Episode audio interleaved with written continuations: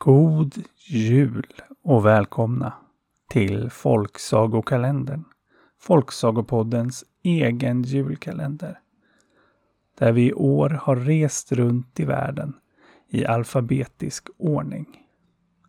Från Armenien till Brasilien, Chile, Danmark, Egypten, Filippinerna, Georgien, Haiti, Venezuela, Zambia och nu idag är vi framme vid Österrike. Men innan det blir någon saga så vill jag passa på att säga tack. Tack till alla er som har lyssnat på Folksagopodden i år och speciellt tack till er som har varit med på den här lilla julkalenderresan. Det är så himla roligt att veta att ni finns där ute och lyssnar när jag berättar. Och jag ser fram emot att höras igen nästa år. Ja, för nu tar podden lite jullov. Men ni är tillbaks igen i slutet på januari. Och jag hoppas ni också passar på att ta er lite ledighet nu. Och har en riktigt fin jul och ett fint nyår. Och kanske passar på att berätta lite sagor för varandra.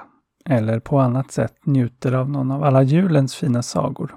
Ja, själv gillar jag ju Karl-Bertil Jonsson väldigt mycket. Missa inte. Men nog om det. God jul igen.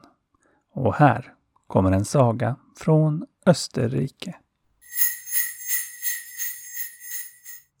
Det var en gång en skomakare som bodde med sina tre söner. Fritzl, Franzel och Hansel. De bodde i en liten stuga i Alperna. Och de hade det inte så lätt. Ja, Fritzl, Franzl och Hansels mamma hade dött för några år sedan.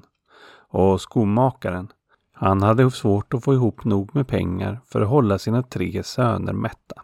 Och efter ett svårt år var de framme vid självaste julafton.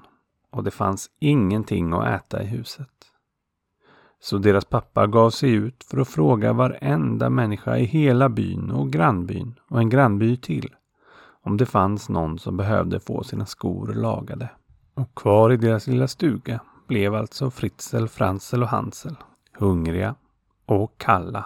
För fast de eldade i sin spis så var det hemskt kallt i den lilla stugan och de tre bröderna kröp ner i samma säng för att hålla sig varma. Deras pappa hade lovat att inte komma tillbaka förrän han hade någon mat. Och de hade fått lova att inte släppa in någon. Speciellt inte så här på julaftonskvällen. Då man aldrig visste vad det var för skumma typer som rörde sig ute. Och nu låg de där tillsammans i sängen och hörde hur vinden började blåsa kraftigare och kraftigare. Men det var mycket kallt ute. Och kanske var de lite oroliga över vad för skumma typer som kunde smyga runt där ute. Och jag ska berätta om en sån. Som bodde på självaste toppen av Alperna. Det var alpkungen, Laurin, som bodde uppe i själva Alperna. Och där hade han fullt av guld och silver och sin allra käraste skatt, sin dotter. Till henne hade han en gång planterat en hel rosenträdgård inuti Alperna och satt in kristall i taket så att ljus skulle kunna lysa in på rosorna. Och ibland löste det också ut. Och är du någon gång i Alperna så kan du faktiskt se de där trädgårdarna lysa. I rött, orange och rosa, alla möjliga färger. Om du tittar upp mot Alpernas toppar. Ja, i alla fall. Så var Laurin ute och gick så här på julaftonskvällen. Han tyckte nämligen om att få sig ett gott skratt och brukade därför ge sig ner bland människorna lagom till jul. Men det var som sagt hemskt väder. Och han var tvungen att snabbt komma in någonstans när han kom förbi en liten stuga. Och där bultade han på dörren. Och det var förstås skomakarens stuga.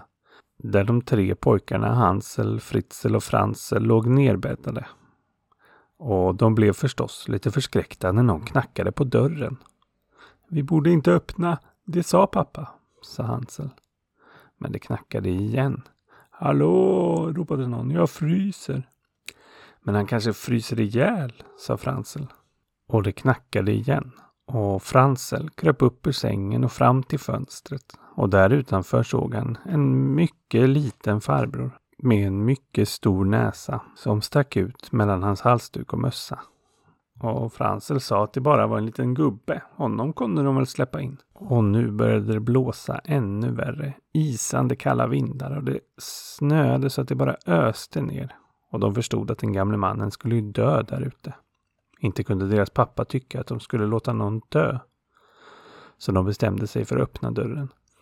Och in kom den lille, lille mannen, tog av sig sin mössa och halsduk och det visade sig att hans öron var minst lika stora som hans näsa. Oj, oj, oj, oj. Släpper ni inte in en gammal man, va? Vad är ni för folk? Frågade han. Och pojkarna förklarade att de lovat sin pappa att inte släppa in någon. Inte släppa in någon, lovat, lovat. Jag vet nog vad ni gjorde. Ni åt upp all mat så jag inte skulle få någon. Sa den underliga lilla farbrorn. Och så började han genast och söka igenom varenda skål och burk han kunde hitta i hela huset.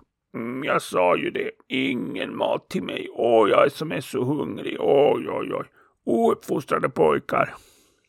Och Hansel försökte förklara att de inte hade någon mat. Men att deras pappa, han var ute och skulle ordna det. Och om farbror stannade så kanske det skulle kunna finnas en bit till honom. Kanske finnas en bit, det var det värsta jag hört. Sa gubben. Och vände sig till spisen där det brann en liten eld. De hade inte så mycket ved och därför kunde de inte göra en så stor eld. Och det var kallt i huset. Åh, inte ens vill ni värma mig. Den stora elden har ni förstås bränt upp och jag är så kall, så kall. Sa den lilla farbrorn. Och så tittade han på pojkarna där de låg i sängen. Mm, alltså det är där ni har all värme. Flytta på er. Ropade han och så dök han rakt ner i sängen ibland dem så att de alla tre ramlade ut. Och så kröp han ner under filtar och täcken och burrade in sig. Mm, ja, det var lite bättre. Men aldrig har jag blivit så här dåligt behandlad som gäst. Oj, oj, oj, kall och hungrig är jag. Ja, och kall och hungrig. Det var ju pojkarna också. Ännu kallare nu när de blivit utputtade ur sin egen säng. Och det försökte Fritzl påpeka och säga att han var kall. Ja, du är kall. Vad tror du jag är då? Du får väl göra som jag gjorde när jag var ung. Gymnastisera, slå en volt, jula lite, så blir du varm. Sa han. Och burrade sig djupare in i täcket och alla filtar. Och bröderna tittade surt på varandra över den här ohövliga gästen som kommit på självaste julafton. Och de som var så hungriga. Och dessutom var det kallt. Ja, och kanske var det kylan eller så var det något helt annat. För utan att veta riktigt hur så började Fritzl plötsligt att jula runt i rummet. Och visst blev han lite varmare. Men det var inte det mest fantastiska. Det mest fantastiska var att varje gång han var upp och ner så ramlade det ur någonting ur hans ficka. Och inte vad som helst. Det var julkakor, julgodis, bullar, allt möjligt gott. Snart var hela golvet nästan fyllt av en hel fest. Och Fritzl stannade förvånat upp och tittade på sina bröder och på gästen, ja, som såg lite upprörd ut. Jag sa ju det att du gömde mat. Hm, kasta hit en bulle.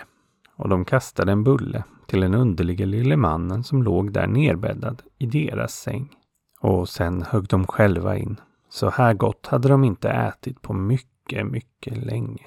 Men Fransel, han hade lite svårt att äta. Han var fortfarande så kall så han skakade om både händer och tänder. Och den lille mannen sa Du är också kall, jula du också. Men de två äldre bröderna förklarade att Fransel var för liten, inte kunde han jula eller göra volter. Men kanske om han fick ligga i sängen så skulle han bli lite varmare. Men farbrorn bara fnös. Psh, Ni får väl hjälpa honom då. Eller hålla han upp och ner. Man blir alltid varmare när man har lite mer blod i huvudet. Sa farbrorn.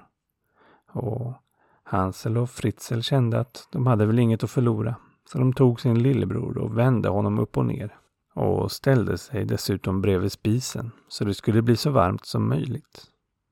Och nog blev han lite, lite varmare. Men det var inte det mest fantastiska. Det mest fantastiska var att ur hans fickor började det också ramla saker. Men inte mat. Utan det lät klink, klank, klonk, klink. Och ut på golvet ramlade det mynt. silvermynt som skulle räcka till en hel festmåltid. Nej, en hel veckas, en hel månads festmåltid.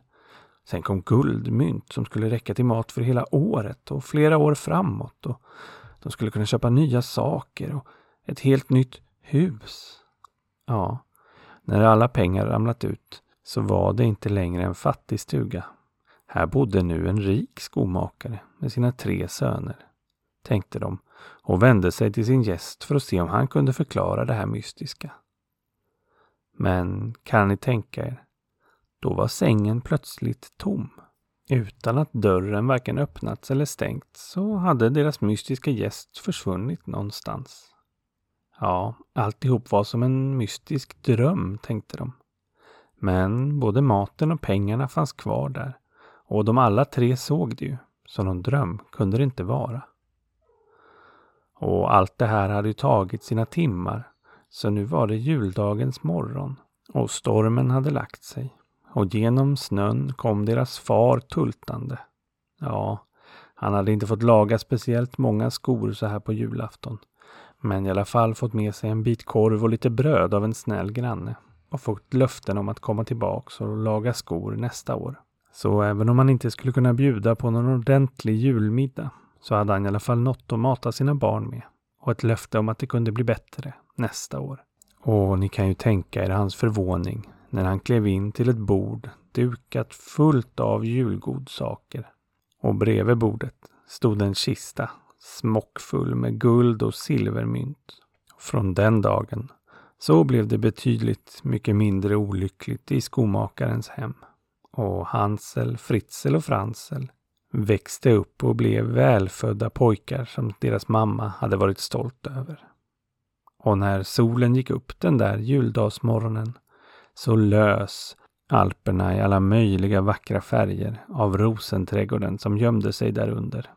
Och i trädgården, där satt alpkungen Laurin och var nöjd över sitt lilla bus som han gjort på skomakarens ungar under julaftonsnatten.